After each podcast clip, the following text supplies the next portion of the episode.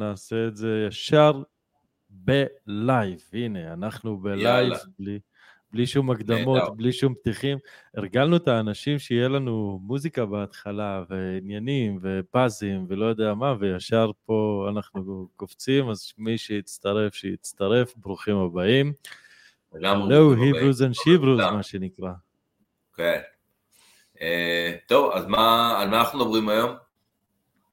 אנחנו, לא, רגע, שנייה, קודם, לפני, ה, לפני על מה אנחנו מדברים ואיך וכמה ולמה, אה, נעשה אה, כזה דבר. קודם כל, חמישי שמח, חמישי מזרח תיכוני אסלי ואהוב ויקר. שלום חברי אלעד, איזה כיף להיפגש איתך כמו כל אה, שבוע. איך, איך אתה, מה שלומך? אני בסדר גמור, אה, גם לי כיף אה, תמיד להיות פה ולהיפגש איתך, זה הדדי מאוד. רגע, על מה אנחנו דנים היום? היום אנחנו דנים בנושא סקסי לאללה, שזה בן לאדן ועבדאללה עזאם, שתי דמויות מפתח מטורפות. אה, מה שאני אוהב בפודקאסט שלנו, שהתכנים מביאים את עצמם אה, בעצמם, כי אנחנו אמרנו, נשב, כל פעם נדבר על איזה דמות כזאת או אחרת אה, מהסביבה המזרח תיכונית שלנו, אה, ועל ידי כך נתחיל אה, לדבר את השפה, זאת אומרת נבין מה זה סונה, מה זה שיעה, ההיסטוריה, מה זה מצרים, כל אחת עם האספירציה שלה מהמדינות פה במרחב, לבנון, סוריה, ערב הסעודית, ודברים לאט לאט מתחילים להיבנות מעצמם, ועשינו פרק, שני הפרקים האחרונים באמת עסקו בערב הסעודית, הפוליטיקה של ערב הסעודית, אה, יורש העצר אה, MBS, מוחמד בן סלמן, והחזון שלו, אג'נדה 2030, והצדה שלו כזה למזרח תיכון חדש, אה, שזה חומרים שהם מאוד אקטואליים לימים שלנו עכשיו, יש את המגעים בין ישראל לערב הסעודית, וככה זה מביא אותנו למקום מאוד טוב של גם להתחיל לדבר על ישראל בתוך כל הדבר הזה. אה, היה לנו פרק על אה, גם מלחמת יום כיפור, שאגב, אה, במובנים שלנו היה הצלחה מסחררת, אני לא יודע אם אתה מעודכן לזה, הרבה מאוד אנשים נחשפו לתוכן, קיבלנו הרבה תגובות טובות, אבל לפני זה, לפני, לפני הכל, הלו היברוס אנד שיברוס, ערב טוב, כמובן, אה, מי שנמצא איתנו, אתם מוזמנים אה, להגיב תגובות ולשאול שאלות. יש לנו אה, פרק אומנם קצר, כי אלעד ידידי הולך להופעה והולך לבלות את הסוף שבוע שלו, ויש דברים דוחקים על השולחן. אבל לפני זה, שלוש נקודות, תפיצו את השידור לאנשים שאתם חושבים שזה יכול לעניין אותם. אה, תגיבו לנו, תשאלו, תעשו, תפיצו לכל מקום. אה, ולפני הכל, אה, אני רוצה להראות לכם משהו חדש שאני מתלהב עליו ומתרגש ממנו, שיש חולצות של ההיברוז אנד שיברוז, סיימנו לעבוד על העיצוב שלהם, ככה זה, כן, ככה זה נראה. Mm. אז זה בעיצוב של נועם פרידמן רז, שהיא אומנית מהממת, עשתה לנו את החולצות המהממות האלה, וזה יהיה דרך אה, נפלאה גם להצטרף לקהילה שלנו ו... ולבוא ולהיות עם ה statement הזה של ה-he-bro ו-she-bro, יש גם של אה, אז זה בעבודה, אפשר כבר לדבר איתי על אה, להתחיל אה, להזמין וכאלה, זה יהיה דרך אה, נפלאה לתמוך בעשייה שלנו ובפעילות שלנו. אה, ואחרי כל ההקדמה הארוכה הזאת, אלעד ידידי, מאיפה כן. מתחילים כשמתחילים לדבר על בן לאדן ועבדאללה עזאם? במי מתחילים קודם? אני חושב שקודם כל, שוב, זה מחזיר אותנו לשיח על סעודיה. אני חושב ש...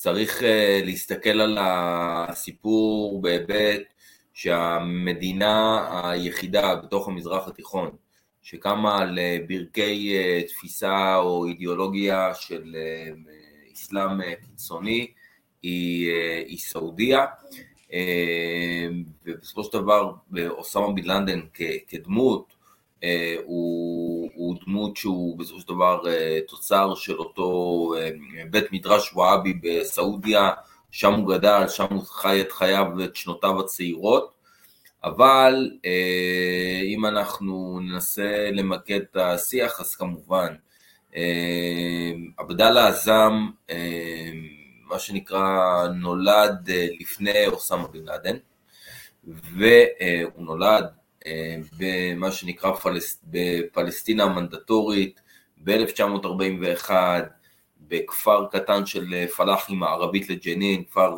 שעונה לשם סילת אל-חרטיה, ואותו אה, עבדאללה עזאם אה, למעשה כבר מצעירותו אה, הוא מסומן כאילו היא מאוד גדול באסלאם, הוא כבר בגיל 12 ממנים אותו להיות האימאם של המסגד בכפר הולדתו בסילת אל-חרטיה והוא אירוע אחד שהשפיע עליו יותר מכל ובאמת קירב אותו אל האסלאם הג'יהאדיסטי היה הכיבוש של, או השחרור, כל אחד על פי תפיסת עולמו הפוליטית, של אזור יהודה ושומרון בקיץ 1967. הוא מוצא את עצמו יוצא כפליט אה, פליט מלחמה מאזור הגדה המערבית, מאזור יהודה ושומרון לעבר הירדן, אה, ושם אה, הוא, הוא חווה איזשהו תהליך עומק מאוד מאוד ארוך, שלצידו ילווה גם מה שנקרא ב, ב, בהשכלה אקדמית, שחלקה תהיה בסוריה ובמקומות אחרים. בגדול, אם אני יכול אה, לשים את האצבע על איזושהי נקודה מאוד מאוד משמעותית בחיים של אה, אה, שייח' עבדאללה עזאם, שהוא היה גם דוקטור מבחינת השכלתו האקדמית, זה ההצטרפות שלו למחנות של ארגוני הסירוב הפלסטינים בירדן, אחרי מה שנקרא אחרי מלחמת ששת הימים, אה, והוא, אה, והוא שם, אה, אותו, אותו עבדאללה עזאם, מוצא את עצמו במחנות עם מה שנקרא, עם ארגוני השמאל הפלסטינים, עם המרקסיסטים שהיו מאוד מאוד חילונים, ועם כל מיני מה שנקרא ארגוני אוונגרד של השמאל הרדיקלי בעולם, כמו באדר מיינוף הגרמני, אה, שהוא אה, מה שנקרא שילב את אה, ידיו עם אש"ף בתקופות מסוימות, והם היו שם לוחמים, היו במחנות משותפים. ואז בא עבדאללה עזאם, איסלאמיסט, איש שצמח מילדותו בתוך המסגדים, והוא ראה את הפריצות במחנות האלה ואת אי הפרדה בין הנשים לגברים, הוא אמר זה לא מקומי. זה לא מקומי, ומה שקורה, שפורצת אה, למעשה אה, המלחמה באפגניסטן עם הפלישה הסובייטית לאפגניסטן ב-79, הוא רואה שם את ההתארגנות של אה, מה שנקרא של קבוצות מורדים מקומיות, אפגניות, והוא מאוד מאוד מושפע למעשה מהג'יהאד האפגני והוא מטיל את עצמו אל תוך הג'יהאד האפגני. תמיד, זאת אומרת, נשאל ברקע לגבי עבדאללה עזאם כמי שיצא כפליט ב-67 מה שנקרא מביתו באזור, אה, באזור ג'נין, אה, איך הוא אף פעם לא הקריב את עצמו למאבק הפלסטיני ובחר ללכת אה, להקריב את עצמו למאבקים במקומות אחרים בעולם. תמיד אומר שכאילו בעיניו המאבק על ירושלים הוא היהלום שבכתר, והוא זאת אומרת שאף להגיע ומה שנקרא להיות חלק מהמאבק גם על, גם על ביתו, אבל הוא נורא נורא הושפע אה, מהלכי הרוח בתוך אפגניסטן, ולכן שם הוא ממקד את עצמו. עכשיו, אה, גם תוסיף לזה, פה... כן, תוסיף לזה שבאותה תקופה המאבק הפלסטיני, לפחות השפה שלו היא הייתה שפה חילונית לגמרי, אז בן אדם שהאידיאולוגיה שלו היא אידיאולוגיה דתית, לא יכול לבוא להילחם עם כופרים נגד כופרים אחרים שהם היהודים, אז זה כאילו לא, לא מתיישב לו טוב, לא עובר חלק. ושבאפגניסטן היה את, ה, את הפלישה הסובייטית והסובייטים הם כופרים, זאת אומרת המדינה הסובייטית, הקומוניזם, זה תרתי משמע כפירה באל בצורה הכי ברורה וחדה שיכולה להיות. הכי בוטה, תראה, זה אחד הדברים אה, שלמעשה אה, הובילו אה, להופעה של מה שנקרא של ג'יהאד בתוך אפגניסטן. עוד פעם, הג'יהאד גם כהגנה על הבית מפני פולש זר וכדומה, אבל אה, מה שהוביל אה, המון צעירים לעזוב את המדרסות ואת ה, מה שנקרא ואת החיים הדתיים ולהקריב את עצמם לג'יהאד, הייתה העובדה שעם הפלישה הסובייטית פשטו חיילים סובייטים מה שנקרא בהירי אור, מגויסים מכל אזור ברית המועצות, אה, בלרוסים, אוקראינים וכדומה, נכנסו לתוך, לתוך המסגדים אה, של הפשטונים אה, ברחבי אפגניסטן והציתו ספרי קוראן והטילו את השתן שלהם על שטחי המסגדים. כל העניין הזה, הם ראו בזה השפלה פגיעה בסמלי האסלאם הקדושים ביותר, והחליטו מה שנקרא לצאת, ל, אה, לצאת לג'יהאד. אה, וההתארגנות הזאת שלהם עשתה, הג'יהאד, ההתארגנות שלהם, הג'יהאד האפגני, כמו שאמרתי, הותיר רושם מאוד מאוד חזק על אה, עבדאללה עזאם, שמחליט לעזוב את סעודיה, ומה שנקרא להגר, להגר לאפגניסטן, הוא היה מה שנקרא מואג'ירון, הוא לא היה בן, הוא לא, הוא לא יליד אפגניסטן כמובן, אה, והוא למעשה אה, קורא בקריאה נרגשת, זעקה נרגשת, אה, מה שנקרא למוסלמים, למאמינים מוסלמים מכל רחבי העולם המוסלמי, לבוא ולהצטרף לג'יהאד. ויש היענות לקריאה הזאת. מגיעים... אני חושב, סליחה שאני קוטע אותך. רוצה, אני חושב שכאילו, לי זה עושה סדר אה, בראש לראות את הדברים באופן כזה. א', הקריאה שלו, המהפכנות שבה היה שזה, אה, שהוא אמר שזה פרד עין. זה אומר שזה אה, ציווי אישי על כל כן. מוסלמי לבוא להילחם בדבר הזה. זאת אומרת, כן. מה זה פרד עין ופרד כפאיה? זה... פרד כפאיה זה אומר שאם אתה חי בקהילה, אה, והקהילה הזאת, אה, לא יודע, יש בה אה, רופא אחד והרופא הזה עושה את העבודה שלו, אז אתה לא יכול, כאילו מישהו עשה כבר את החובה האישית שלו של להיות רופא, אתה פטור מלהיות רופא. זאת אומרת, הקהילה כבר מקיימת את עצמה. אבל אם בקהילה שלך כל האנשים התפללו, אה, אז זה לא מונע ממך, אה, זה לא פוטר אותך מלהתפלל. החובה האישית שלך זה ללכת אה, ולהתפלל, ועבדאללה עזאם בא ועושה שזה חובה אישית למוסלמי באשר הוא, לא, לא חייב לבקש, האישה לא חייבת לבקש אישור מבעלה או מ, מהבן שלה או מאח שלה או מי שזה לא יהיה, אם היא חושבת שזה הקריאה שלה של לבוא להילחם את מלחמת הג'יהאד הזאת, אז היא יכולה לבוא לאסוף את העניינים שלה וללכת להילחם באפגניסטן, יש לה הכשר דתי לדבר הזה, שזה כאילו איזה משהו שהוא מאוד אה, אה, כזה מזעזע בעולם המוסלמי לזמנו, אבל אה, כדי לבוא לדעתי לראות אה, להכניס את הצופה או את המאזין מהצד לגבי מי זה עבדאללה עזאם, אז כמו שניוטון אמר, אם הפלגתי ללכת אה, לראות, אז זה כי עמדתי על כתפיהם של ענקים, אז הענקים שעליהם הוא עומד אה, זה מוחמד אל-בנה, אחמד אל-בנה, נכון, וסייד קוטב, ש... כן. שלדעתי בן יותר, יותר, יותר מזוהה עם סייד קוטב, כמובן. הוא סייד קוטב. ולא, ולא, עם חסן אל-בנה. אני תופר לך את זה ותגיד לי אם אני תופר את זה טוב. סייד קוטוב אה, הוא מנהיג מה שנקרא אה, הג'יהאד האסלאמית.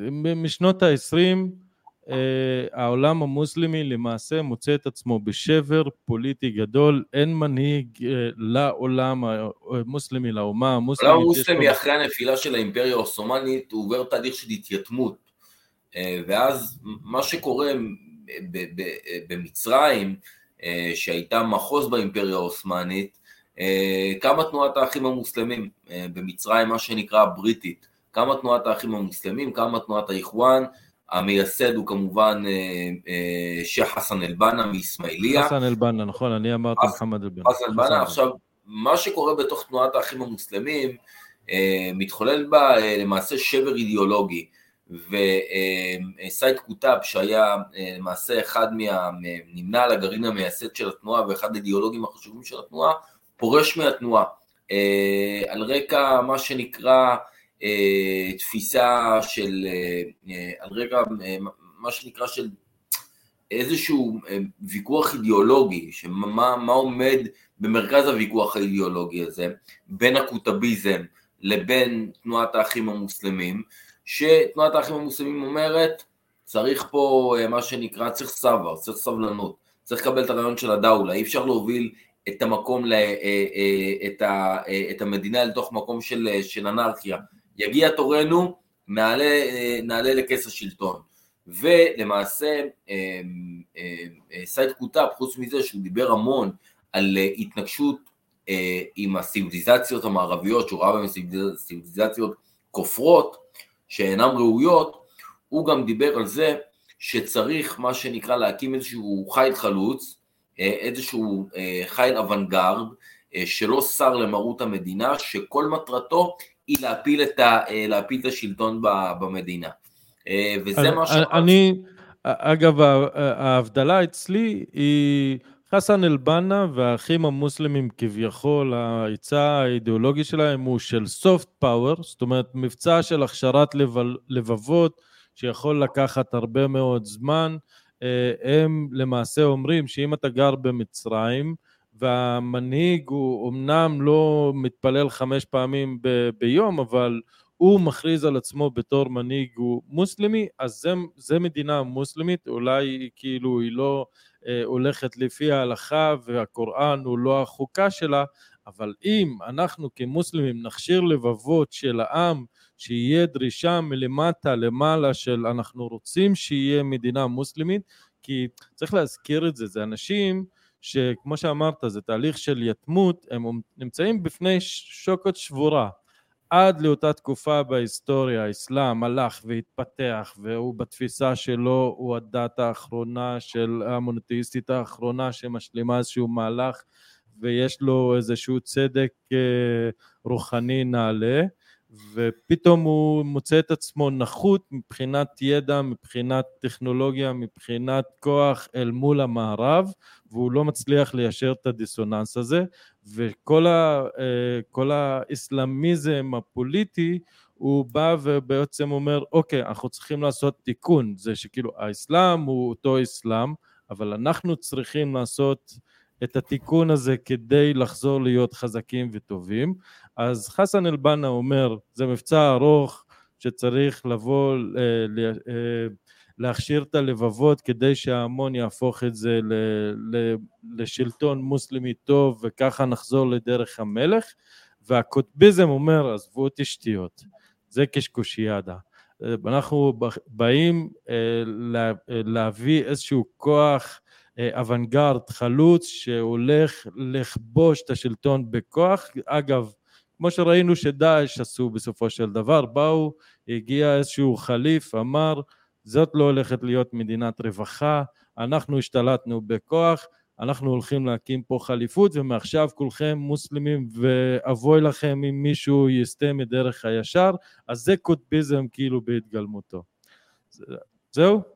זה עושה ספר כן, מה שאני אומר? כן, צריך להבין שאחרי לכתו של סייד קוטוב בהוצאה שלו להורג על ידי המשטר של נאצר ב-1966, מה שקורה בגדול, אה, העולם באמת, העולם המוסלמי אה, דן בשתי התפיסות, זאת אומרת, הוא חווה איזשהו תהליך אה, של מה שנקרא של התפתחות של שני זרמים, אחד של אלה שהולכים מה שנקרא בצל מורשתו של סייד קוטה והרעיונות שלו, שזה השפיע מאוד גם על התפתחות האסלאמיזם בתוך מצרים, עם כל מיני תנועות, מה שנקרא כמו הג'יהאד האסלאמי המצרי, הייתה עוד איזו קבוצה סלאפית במצרים של שנות ה-70, שהייתה אויבת מאוד גדולה של המשטר של סאדאת, תנועה שהייתה נקראת מוג'מת מוחמד, נערי מוחמד, והייתה, היו, וכמובן, זאת אומרת, ההתפתחות הזאת של האסלאמיזם בתוך מצרים, הכתה אחרי זה גלים, וכאילו אותם רעיונות, אותו בסיס, למעשה הוא זה שהצמיח את הג'יהאד של המהגרים בתוך, בתוך אפגניסטן, במידה רבה אם, אם נרצה. מצד שני, היה את הזרם של תנועת האחים המוסלמים, להוציא את הסניף של אחים מוסלמים מסוריה, שהיה נורא בדלני והוביל שם את המדינה לאנרכיה נגד המשטר העלאווי של אסד, הוא ראה בו משטר של כופרים על רקע דתי, להוציא אותם, באמת תנועת האחים המוסלמים על כל, על כל ענפיה היא הייתה בסופו של דבר תנועה מאוד, מאוד כיבדה את הרעיון של המדינה. כאילו, אומנם היא תמיד, אתה יודע, בעמדה של אופוזיציה בתוך המדינות, אופוזיציה נשכנית, אופוזיציה מסוכנת, אבל היא כן שומרת על, על כללי המשחק. היא לא ששה, מה שנקרא, לפרק אותם לגורמים. באמת להוציא את הדוגמה אצלנו כאן עם, עם תנועת החמאס, שהגיעה שעת הכושר, אז הם ביצעו הפיכה אלימה נגד, נגד הפת"ח, וכאילו נהגו באופן מאוד לא ממלכתי. סיפור אחר. וזה, וזה בדיוק נקודה, לא, לא הנקודה של חמאס, אלא הנקודה של אפגניסטן, ולמה אפגניסטן היא מאוד חשובה, כי עד אפגניסטן, שתי התנועות תכלס, גם הזאתי שהיא סופט פאוור וגם זאתי שהיא של חיל החלוץ האוונגרד, שתיהן הן תנועות שהן במבוי סתום, כי תכלס לא ככה זה עובד להם ולא ככה זה עובד להם. כי נגיד אחרי חסן אל-בנה, ג'מאל עבד אל-נאסר במצרים בא ומחסל את האחים המוסלמים ויוצא שלטון שהוא בעתיסטי, הוא שלטון, סליחה, של הקצינים, שהוא כזה כמעט סמי קומוניסטי תכלס במצרים, חילוני לגמרי, ערביסטי, בסוריה גם ניסיון ההפיכה של האחים המוסלמים שם בחמה, גם אסד טובח בהם, כאילו הם לא בכוח הולך להם ולא בלא כוח הולך להם, ואז באמת מגיע אפגניסטן, ואפגניסטן יש איזו קריאה של עבדאללה עזאם של מוסלמים בכל העולם, בואו להילחם בכופרים, ופתאום זה עובד להם.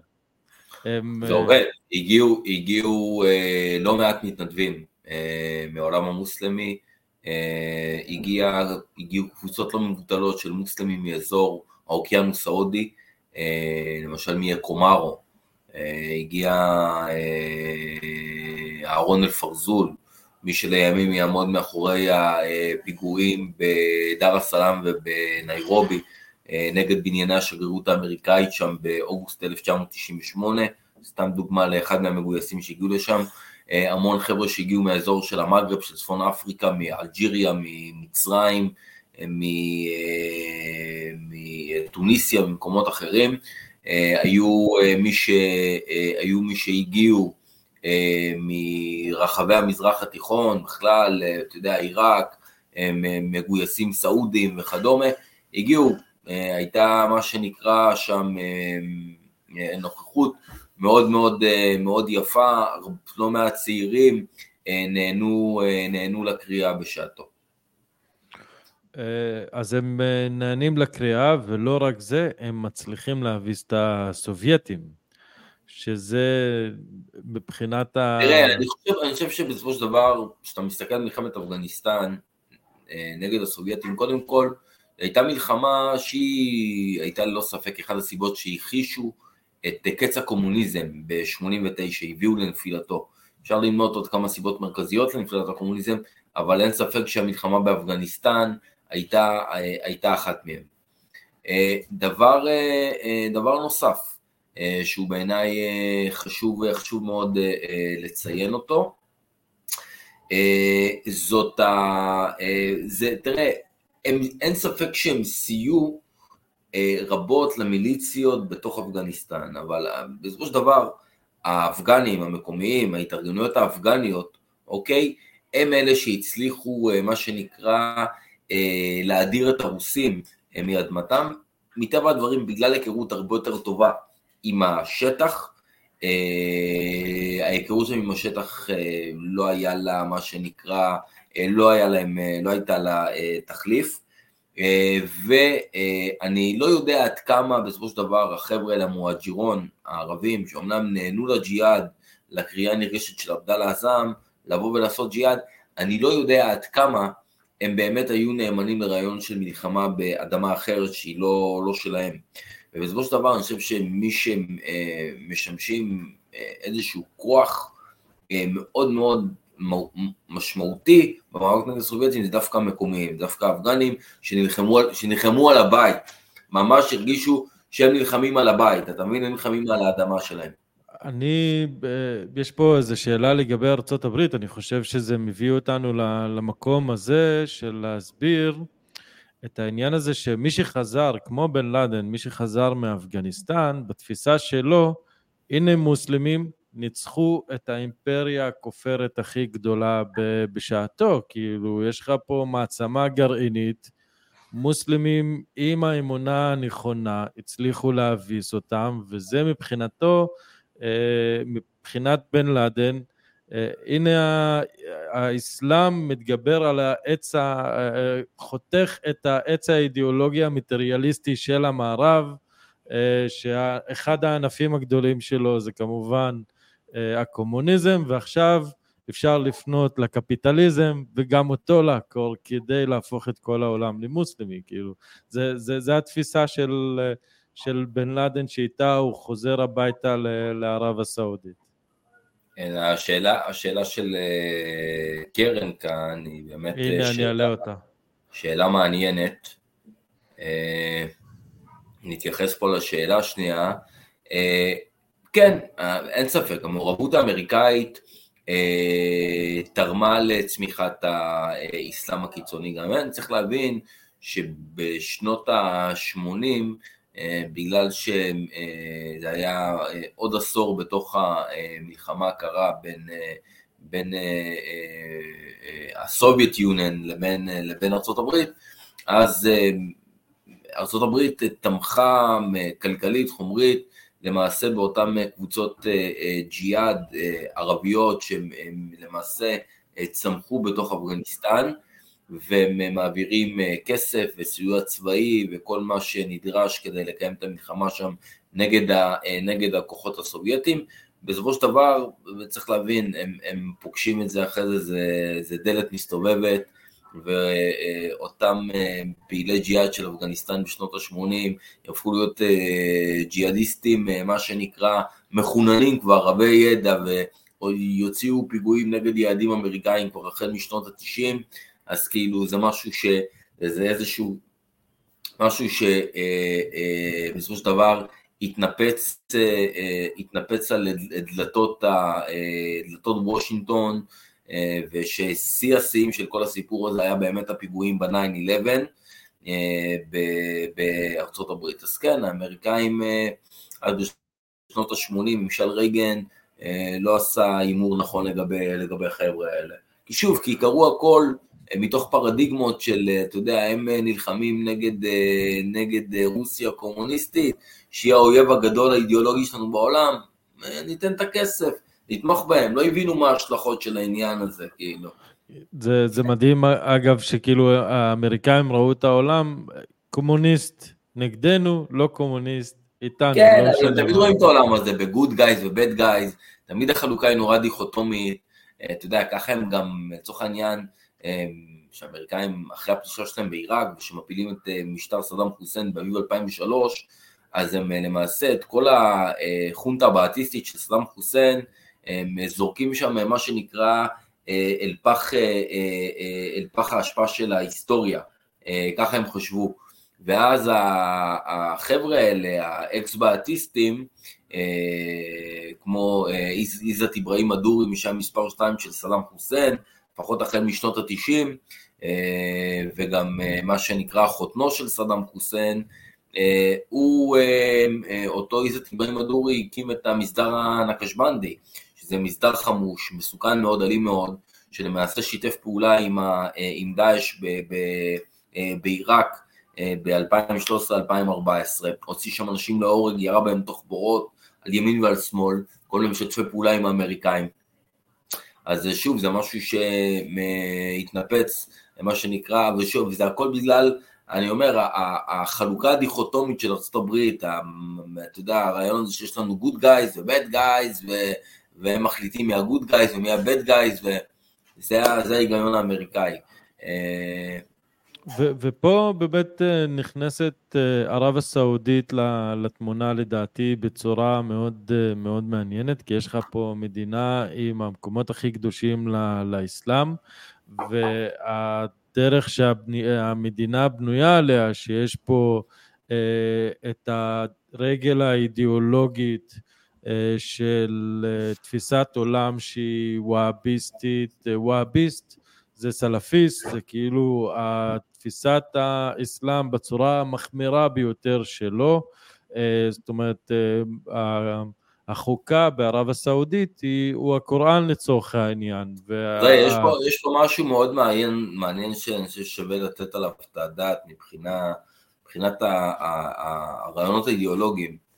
הג'יהאד האפגני, המקורות שלו מצויים למעשה בתנועת אסלאם אינטלקטואלית שקמה במאה ה-19 בתת היבשת ההודית והייתה מאוד נפוצה בפקיסטן, תנועה שנקראת התנועה הדורבנדית.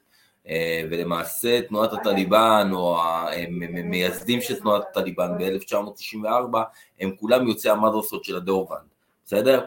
הדורבנד היו קשורים אה, למעשה באסכולה, אה, באסכולה המשפטית החנפית, אוקיי? שזה היה למעשה האילנות שנתלו מבחינת החוקה, החוקים וכדומה.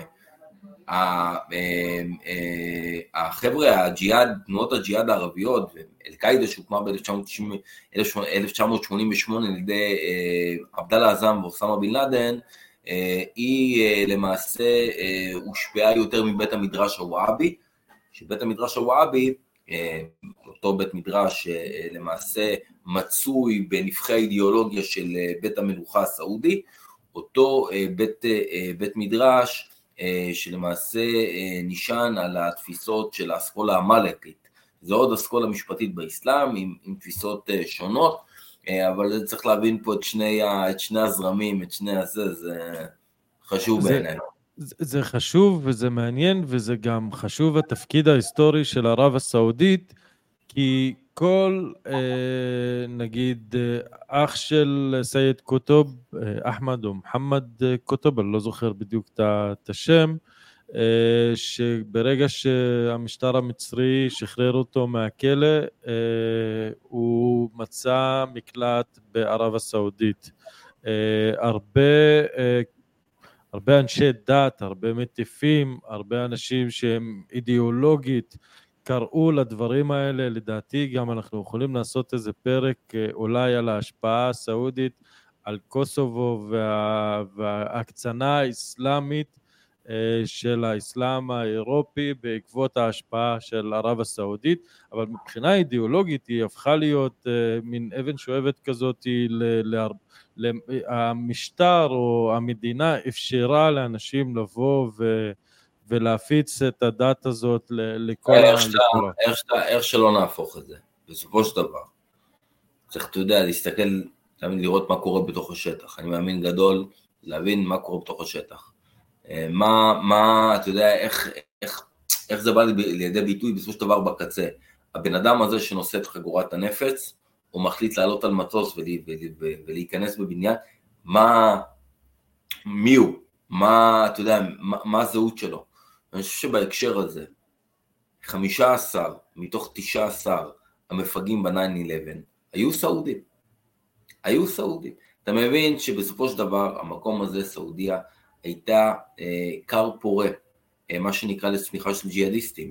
גם אם בסופו של דבר זה לא היה הכוונות של הממלכה, הם לא רצו שיצאו מתוכם האנשים האלה, זה מה שקרה. למה? כי היה שם כר פורה מבחינה אידיאולוגית, במקום שבו למעשה החוק הוא, הוא הקוראן, ואם על פי הקוראן הג'יהאד היא מה שנקרא מצווה נעלה, שמחייבת כל מוסלם באשר הוא, אז זה מה שקרה. כי העלבון, הרי למה הם סימנו את ארצות הברית בסופו של דבר? העלבון או החטא הגיע עם הפלישה העיראקית לכווית, ואז יש, ואז נוצר אה, איום על ערב הסעודית. האיום הזה של ערב הסעודית אה, מבחינת ארצות הברית זה היה איום על בארות הנפט שלה וזה משהו שהיא לא יכלה לקבל. אה, אז היא הציעה הגנה, הציעה הגנה לערב הסעודית, אה, ואנחנו מדברים אה, כבר בשנות התשעים, אז זה כאילו אחרי נפילת החומה אין ספק, של... מה שנקרא ההתיישבות האמריקאית בתוך סעודיה, ההתנחלות הצבאית האמריקאית בתוך סעודיה, היא הייתה במידה רבה פקטור משמעותי, אה, מה שנקרא אה, לג'יהאד, לטרור איסלאמי, אה, שהולך למה שנקרא מתקפות חזיתיות נגד, נגד ארצות הברית. וכן, והתחלנו לראות את זה במידה רבה כבר, אני חושב, איפשהו מ-93 בסומליה, ששם מה שנקרא אמריקאים מסתבכים בסומליה עד, עד העצם, במוגדישו, בבירה, עם איסלאמיסטים. אה, ואחרי זה זה כאילו אה, האזור הזה באמת של סומלילנד ובכלל של כל האזור של אה, מזרח, מזרח אפריקה הופך להיות כר פורה של מה שנקרא של ג'יהאד מבית מדרשו של אוסמה בן לאדן והפיגועים מה שנקרא גם בדר א-סלאם וגם בניירובי שהזכרתי אותם מקודם היו מה שנקרא איזשהו פעמון התראה בדלת רגע לפני הפיגוע הגדול ב-9-11 אה, והאמריקאים אה, לא הצליחו, אה, תראה היה עוד, היה עוד פיגוע אחד בתוך השטח הריבוני של, של ארה"ב שניסו להחדיר מכונית תופת אל תוך, אל תוך בניין, זה היה גם בשנות ה-90, איכשהו העניין הזה שם בארצות הברית שוב לא, לא הדליק יותר מדי אה, נורות אדומות, אה, כן. שמע, אני, אני אגיד לך את זה. א', אפגניסטן לדעתי זה דבר מוטרף, משוגע, כאילו, אתה יודע, אה, מדינה הכי ענייה... אפגניסטן זה יריית הפתיחה, אין, אין ספק, זו יריית הפתיחה. עכשיו, היא הפילה את האימפריה הסובייטית, זה כמו שאתה יודע, תימן מנקנקת את ערב הסעודית, וזו המדינה הכי ענייה כאילו בעולם פחות או יותר, כן. וערב הסעודית עם מיליארדים ונשק ולא יודע מה, לא מצליחים להתגבר עליהם, שזה מטורף, ואפגניסטן, מדינה חלשלושית כזאת, בלי מוצא לים, בלי שום דבר, אנשים כזה פלאחים פשוטים, מנקנקים את ברית המועצות, ואז אחר כך ארצות הברית נכנסת למלחמה 20 שנה. 20 שנה, ובסוף היא מוסרת את השלטון לאותם אנשים שהיא יצאה להילחם בהם, שזה משוגע, שזה כאילו אותם אנשים שהיא נתנה להם כסף להילחם בסובייטית, בסובייטים, היא נתנה, נתנה להם את טילי הסטינגר, יש שמועות על זה שבן לאדן בכלל הוא היה מפעיל של ה-CIA והם כאילו אנשים שקיבלו את כל התמיכה מארצות הברית וזה קורה לנו מול, ה, מול העיניים ועכשיו כזה יש איזה תחושה שארצות הברית היא כזה האפגניסטן שהפילה את ברית המועצות היא מפילה עכשיו את האימפריה האמריקאית שכאילו יצאה לאיזשהו סיבוב. אפגניסטן היסטורית בית קברות של אימפריות. הבריטים נפלו שם ב-1907, הסובייטים נפלו שם בשנות ה-80, האמריקאים עוזבים שם עם הזנב מקופל בין הרגליים בצורה מאוד מאוד מבולבלת, אה, כל המערך שהם בונים שם, גם המערך הצבאי, גם הממשלה שאמריקה ביקשה לייצב, איזושהי ממשלת אסלאם מתון כזה, אה, לא, אה, לא, לא מצליחה לעמוד בלחץ ובפרץ אה, ובתיעוב והטירוף של, אה, של תנועת הטליבן שרוצים לשוב אל מרכז הבמה ודבר נוסף ומשמעותי מאוד, כל הניסיון של האמריקאים לשנות את ה-DNA האפגני לא, לא צלח. אה, אפגניסטן אה, היא מדינה שרבים סכסוכי השבטים בה, רבים המתחים האתניים בה בין, ה, בין הקבוצות, אה, ויש שם מה שקורה, אם אני אנסה להסביר את זה על רגל אחת, בגדול הקבוצה הילידית, או כפי שהיא רואה את עצמה כקבוצה ילידית, זה למעשה הפתנים, דוברי הפשטו. פשטו זה דיאלקט של שפה איראנית, של פרסית, והם אה, רואים בעצמם קבוצה נעלה מבחינה סוציולוגית.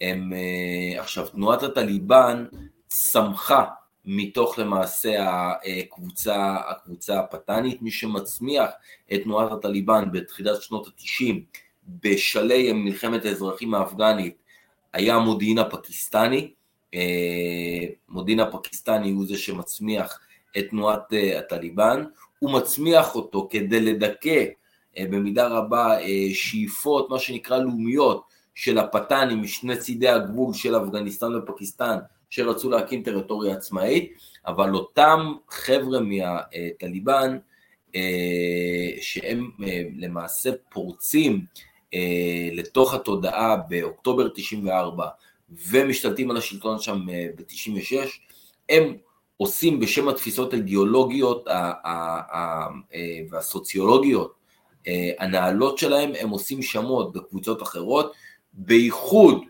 בבני העזרה, שהם מה שנקרא, יש להם דם מונגולי והם מזוהים עם השיעה הטריאסרית האיראנית, וככאלה הם, הם הופכים להיות אה, הם נופלים כקורבן לאכזריות של, אה, אה, של תנועת הטליבן בתוך, בתוך איראן, מבצעים בהם שם טיהור אתני איום ונורא עם הוצאות להורג ברוטליות, הופכים את הנערים של, ה, של ההזארה ל dancing boys, לזונות מרקדות שם על ידי דברים, דברים איומים, אני לא רוצה להרחיב פה את, ה, להרחיב פה את, ה, את, ה, את התיאורים, כי זה באמת איום ונורא, מה שהקבוצה הטהרנית והברברית הזאת עשתה בתוך אפגניסטן בקדנציה הראשונה שלהם בין 96 ל-2001, ומה הם עושים היום? הם גם עושים דברים חמורים, רק שהעולם לא יודע, כי אפגניסטן מאוד מאוד סגורה. עכשיו, בסופו של דבר, צריך להבין מה קורה פה. אוסמה בן לאדן, 1988, שהוא עוזב את אפגניסטן לראשונה וחוזר אל הבית, אל סעודיה, אל המולדת, אוקיי? למרות שבואו נדבר רגע על בן לאדן, כי לא נשאר לנו הרבה זמן. בן לאדן, אבא ממוצא תימני, מוחמד בן לאדן, מהאזור של חסר מהות בתימן, אימא אה, מהעיר לטקיה, מהחבל העלאווי, עלאווית במוצאה, אה, מתחתנים. בן לאדן מתייתם מאביו בגיל מאוד מאוד צעיר ומקבל אה, ירושה אה, למעשה מקונצרט בן לאדן, מהקונצרט הגדול של אבא שלו, קונצרט בנייה אדיר שהיה אה, מקורב לבית המלוכה בסעודיה, קבל אה, כבר בגיל 13, בגיל בנערותו לידיו הון של 80 מיליון דולר, לא פחות ולא יותר. עם ההון הזה הוא מגיע לאפגניסטן ב-79, 1980, ומממן חלק גדול מהפעילות שם, אוקיי? של הג'יהאדיסטים שמגיעים, הוא מחמש אותם בנשק, הוא דואג להם לבגדים, הוא דאג שם לכל הצד האופרטיבי, הלוגיסטי, עם הכסף שלו. אם בוא, בוא נגיד המפקדה התפלגה שם לשתי ראשים, הראש האידיאולוגי הרוחני של אה, שייח' עבדאללה עזאם, שהיה מלומד איסלאמי, ושל תלמידו שהריץ אותו, אה, שייח' אוסמה בן לאדן, שהוא עם ההון ועם הכסף שהוא מביא מסעודיה, עם ההון האישי שלו, הוא דואג אה, לקנייה של נשקים, לקנייה של מדים, דואג לפרוספריטי של אותם מגויסים צעירים שמגיעים מתוניסיה, מאלג'יריה, ממצרים וממקומות אחרים בעולם הערבי, ו, אה, אה, וזה הייתה חלוקת עבודה. עכשיו, ב-88' הוא מקים עם שייח' עבדאללה עזאם את תנועת אל-קאעידה. הוא אה, היה שם, התחילו שם בצמרת אי אלו עניינים בין אוסמה בן לאדן לשייח' עבדאללה עזאם, מחלוקות המחלוקות האלה בסופו של דבר מביאות לרצח של שייח' עבדאללה עזאם על ידי ככל הנראה אוסמה בן לאדן בעיר פשוואר בפקיסטן ב-89 ואוסמה בן לאדן הוא מקבל כמה שנים מקלט בסודאן אצל עומר אל-בשיר שהיה גם איסלאמיסט ותומך טרור אה, מוצר וכדומה, הוא מקבל אצלו אה, מה שנקרא באפריקה, מקבל אצלו, ואחרי כמה שנים הוא, ששלטון טליבן ב-96 עולה, הוא מקבל אה, מה שנקרא את הטליבן בית, והוא קושר את נפשו למעשה בתנועת הטליבן, ומתוך, זאת אומרת, המפקדות שלו שישבו באזור אפגניסטן, משם למעשה יוצאות הפקודות האופרטיביות, אם נרצה, לפיגוע הגדול ב-9-11 ב-2001, לכן זה מוביל את האמריקאים, או את ה, יותר נכון את המודיעין האמריקאי, הם מסמנים את אפגניסטן כיעד אחרי ה-9-11.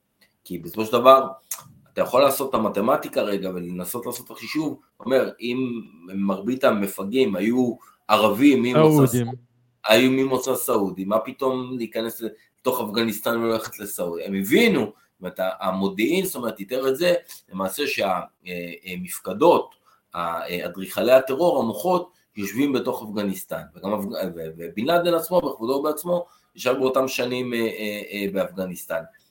מה שכן קורה בתוך אפגניסטן, שמאוד מאוד חשוב לדבר עליו, אוסמה בן לאדן למעשה עושה יד אחד עם תנועת טליבן, והם מחסלים בעיר תקער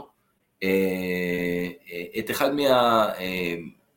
מהדמויות הכי חשובות באפגניסטן, גיבור לאומי, אדם בשם אחמד שאם מסעוד, מי שהיה למעשה מפקד הברית, החזית האסלאמית הצפונית, מפקד הברית הצפונית, שגיבור לאומי שמה שנקרא הוביל, הוביל את אנשיו מהברית הצפונית, שהם רובם היו טאג'קים ואוזבקים, למלחמה מאוד מפוארת ב...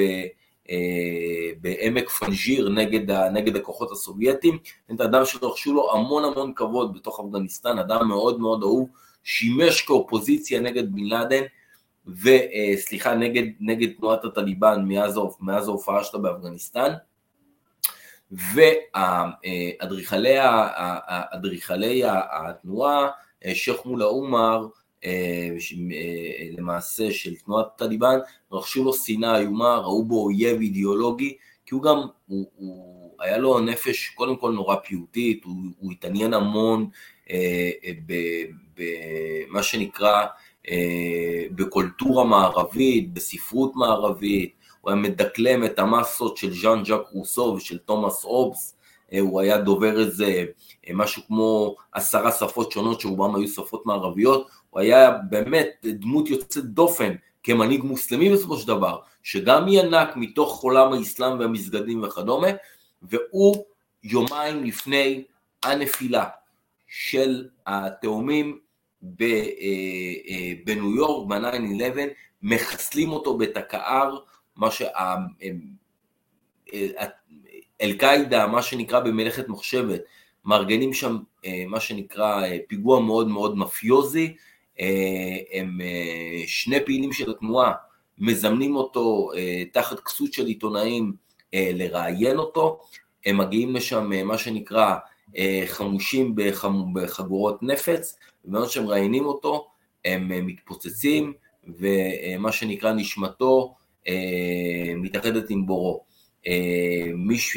אה, סיפור מאוד מאוד קשה בתודעה האפגנית, כי אחד המנהיגים החשובים הם הלכו, ומה היה החשש של, של תנועת אל-קאעידה? שהם ידעו שהוא ככל הנראה עובד עם ה, אה, מה שנקרא עם ה-intelligence service האמריקאי, עם ה-CIA, והוא אינפורמר שלהם, וככזה צריך להיפטר ממנו שלא יסכל את רעיון המתקפה הגדולה על ארה"ב והוא היה המצור האחרון מבחינתם, הם מורידים את הבלם הזה של, של אה, אחמד שם מסעוד ומבצעים את הפיגועים ב-9-11. מטורף. מה, כן. זה גם... שוב, אני לא יכול לחדד את זה מספיק, שזה באמת אה, סוגיה מאוד אה, מעניינת, שיש לך פה תנועה שעשתה פיגוע מאוד קשה, מאוד כואב, שהבסיס האידיאולוגי שלה הוא בערב הסעודית, והאנשים שלה... צריך לשים לב, ההנהגה שלה נודדת. ערב הסעודית, סודאן, אפגניסטן, אתה מבין? עכשיו, כל מקום שהם הגיעו, הם הפכו את המקומות האלה לטריטוריות שמאוד מזוהות עם טרור, טרור מסוכן, בדלני, אלים מאוד, אה, כן, זה היה, כן. ו- והצעד הבא, היסטורית, אה, היה עיראק, שזה עוד תחנה שהיא מאוד אה, מעניינת בהקשר הזה של, אה, של ג'יהאד סלאפיסטי ופונדמנטליזם אסלאמי. כי בניגוד לאל-קאעידה, אל-קאעידה, כאילו התפיסה שלה אומרת, אנחנו תנועת התנגדות, בוא נכה את המערב שוק על ירך ונבוא נגיד לו אה, חברים, אתם מדברים על חירות ועל לא יודע מה, כי הרי אחד הדברים הכי אכזריים אה, במתקפה אה, של ה-9-11 זה שאנשים שעשו אותה למדו בבתי ספר בארצות הברית, בבתי ספר לטיסה, והם הפכו פוטנציאלית אה, כל מוסלמי שנמצא במערב לאיזשהו תער אדום שמתישהו יכול להתהפך עליך ופתאום כאילו אתה, אתה כן.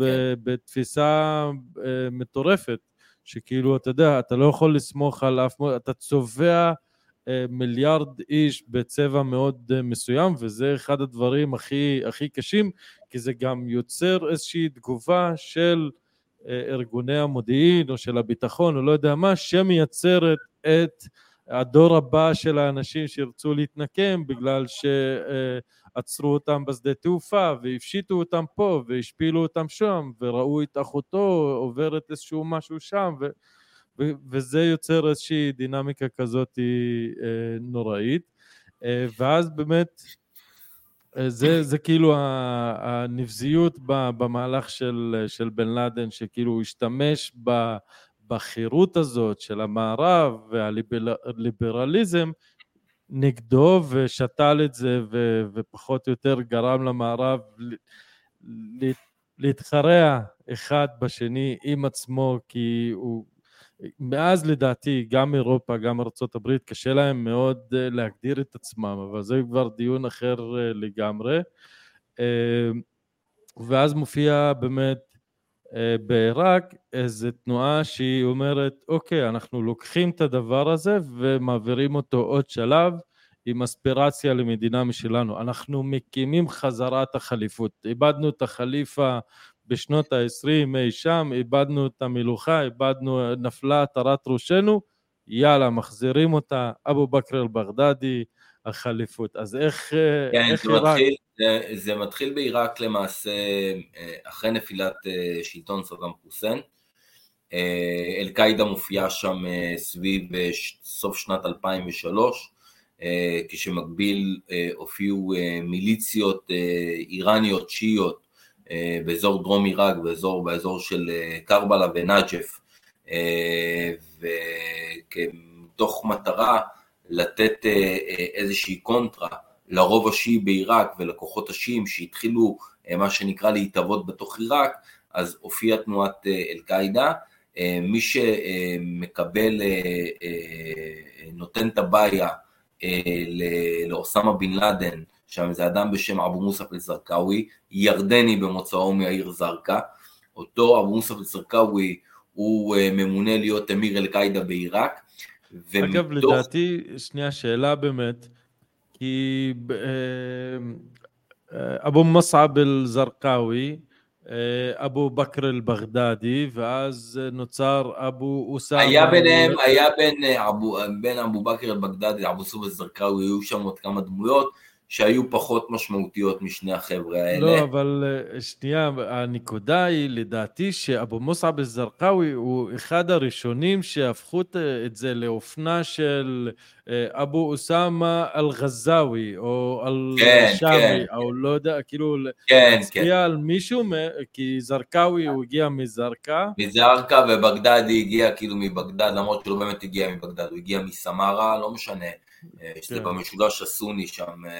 דיברנו על זה שאצל ערבים אל תיתן לעובדות לבלבל אותך. כן, בדיוק. שזה נשמע טוב, כי אבו, כן, כן. אבו בכר אל-סמראוי זה פחות עובד. כן, זה, נשמע פחות טוב, כן, כן.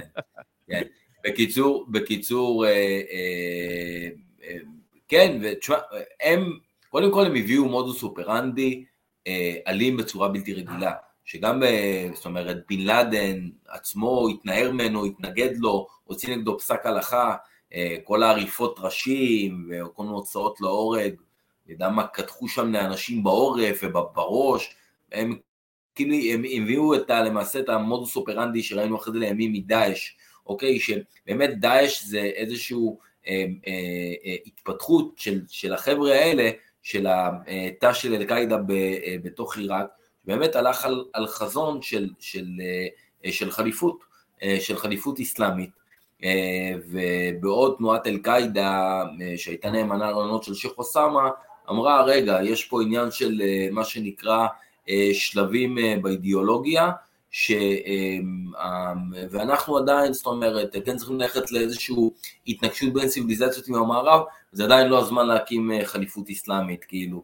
אה, והיה פה אה, למעשה, היה פה למעשה, בסופו של דבר, הגרעין הזה של אל-קאעידה עיראק, רובו מתפצל מהתנועה ומקים לימים את מה שאנחנו מכירים בתור המדינה האסלאמית, כבר ב-2013, 2014 כבר מכריזים על החליפות, בעיון במוסול וכדומה, אה, וזהו, כאילו, אה, היה שם, אה, אגב, הקורבן הראשון, הראשון, שמוצא את מותו בעריפת ראש שתועדה, ולמעשה שחררו אותה לרשת, והיא הפכה להיות ויראלית ברשת ב-2004, אני מדבר איתך במאי 2004, הייתה הוצאה להורג של איש עסקים יהודי, ממוצא אמריקאי בשם ניק ברג, בחור תימוני קצת, אתה שואל מה אזרח אמריקאי שלא קשור ב-CIA או לא קשור בצבא האמריקאי, אה, מסתובב אה, למעשה בתוך עיראק,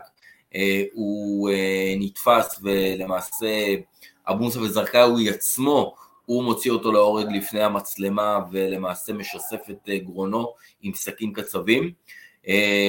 וכן, ומשם מה שנקרא מה, מה, snuff הזה, snuff הזה, למעשה הם מסמנים, מסמנים את היד או מסמנים את שיטות הפעולה שלהם, שכל המטרה שלהם היא אה, מה שנקרא אה, אה, לייצר פחד מצמית אצל מי שהם מגדירים כאויבים.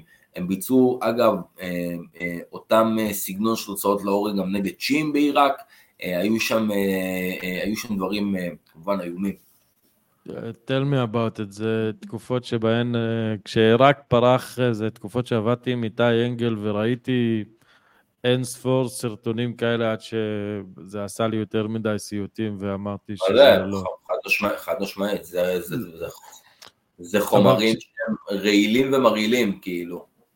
זה, לא, זה, זה טרפת של, של העולם, אבל באמת אבו מוסעב א-זרקאווי, מעריפת הראש, הוא הראשון שבאמת התחיל את הדבר הזה, וכמו שיש לך עדכוני גרסה, נגיד אם אתה מוציא אפליקציה, אז הגרסה הראשונה זה 1.0, ואחרי זה יש לך 1.1, אז אפשר לראות שדאעש זה 1.1 של, סליחה, של אל-קאעידה, אה, כי א', הם אומרים, אוקיי, לאל-קאעידה אין אספירציה לחליפות, אז אנחנו הולכים לעשות את זה, כי אנחנו חזקים, אבל אה, אתה יכול לראות את העניין הזה ש... 9-11, אחד הדברים הכי עוצמתיים שקרו בו תכלס, שזה קרה בלייב, ב-CNN, אנשים ראו את המטוס נכנס לתוך הבניין והורס הכל, ואז להשתמש בטרור דאעש הרי בסופו של דבר היה ארגון של טרור יוטיוב, כאילו, וטלגרם ודברים כאלה של כאילו לבוא, להשתמש בכלים של המערב, באפליקציות של המערב כנגדם ולהפיץ את זה ולהפיץ את הטרור שלהם ובגלל זה הם עשו מזה מטעמים של איך לייצר את זה שזה יהיה לדחוף את הקצה עוד פעם ו- ועוד וכאילו בצורה מטורפת אז זה כאילו אפשר לראות איך זה באמת בא מההשפעות של אל-קאעידה, העניין הזה של, של דאעש, אבל בנוסף לזה יש לדעתי את העניין הזה של הטשטוש של גבולות סייקס פיקו, שכאילו הטשטשו הגבולות בין סוריה לעיראק, שבאו, היה להם מאוד חשוב של לבוא ולהגיד, זה הגבול של מה שהיה פעם סייקס פיקו, חבר'ה, אנחנו מפרקים את זה, תודה ולהתראות, מקימים פה איזושהי חליפות. זה כאילו הרצון הזה של לנצח את המערב, של לבוא ולחסל את מה שהיה וכאילו להקים איזושהי אלטרנטיבה, להקים מטבע משלהם, להקים... אה, אבל הם קפצו מהר מעל הפופיק לדעתי. טוב, אה, אנחנו לצערי נצטרך להתחיל אה, מה שנקרא לעטוף את השידור הזה, לסגור אותו. לגמרי. כן, אני חושב שנאמר פה בשעה הזאת הרבה. מכיוונים, אה, מכיוונים אה, שונים. אפשר כמובן עוד לדון באסלאם הקיצוני, בשורשיו האידיאולוגיים, בדמויות, בפעילים שלו, עוד אה, מה שנקרא שעות, שעות ארוכות. אני חושב שאתה יודע, אבל הדברים החשובים, המרכזיים, או הדמויות המרכזיות קיבלו פה את המקום בשעה הזאת, שזה מה שחשוב, עבדאללה עזאם, שייח' אוסאמה, אה, אה, וכדומה, אה, ואפילו הגענו עד אהרון אל-פרזול והרב מוסא בזרקאווי ואחרים, שזה כבר, אתה יודע, דמויות משניות יחסית, ואני חושב שזה נהדר, נהדר, נהדר. אז באמת עם זה נעטוף רק את השידור, נביא אותו לנחיתה. אלעד, תודה על השידור המרתק הזה, באמת הטרור אסלאמי, זה באמת אה, נושא מאוד מאוד אה, מעניין. אה, חברים, אתם מוזמנים... אני חושב שבפרק הזה אנחנו גם כן משלימים פה איזושהי סדרה של פרקים משלושים שהם... הם, זה עוד פרק שקשור בסיפור הסעודי, איך שלא נסתכל על זה, עשינו פה שתי פרקים שהם נטו סעודי, אבל ירנו פה זרקור על הצדדים ה... מה שנקרא המלוכלכים אה, אה, שקשורים בחיי הממלכה הסעודית, אה, וזהו, וזה, וזה חשוב כשלעצמו בעיניי.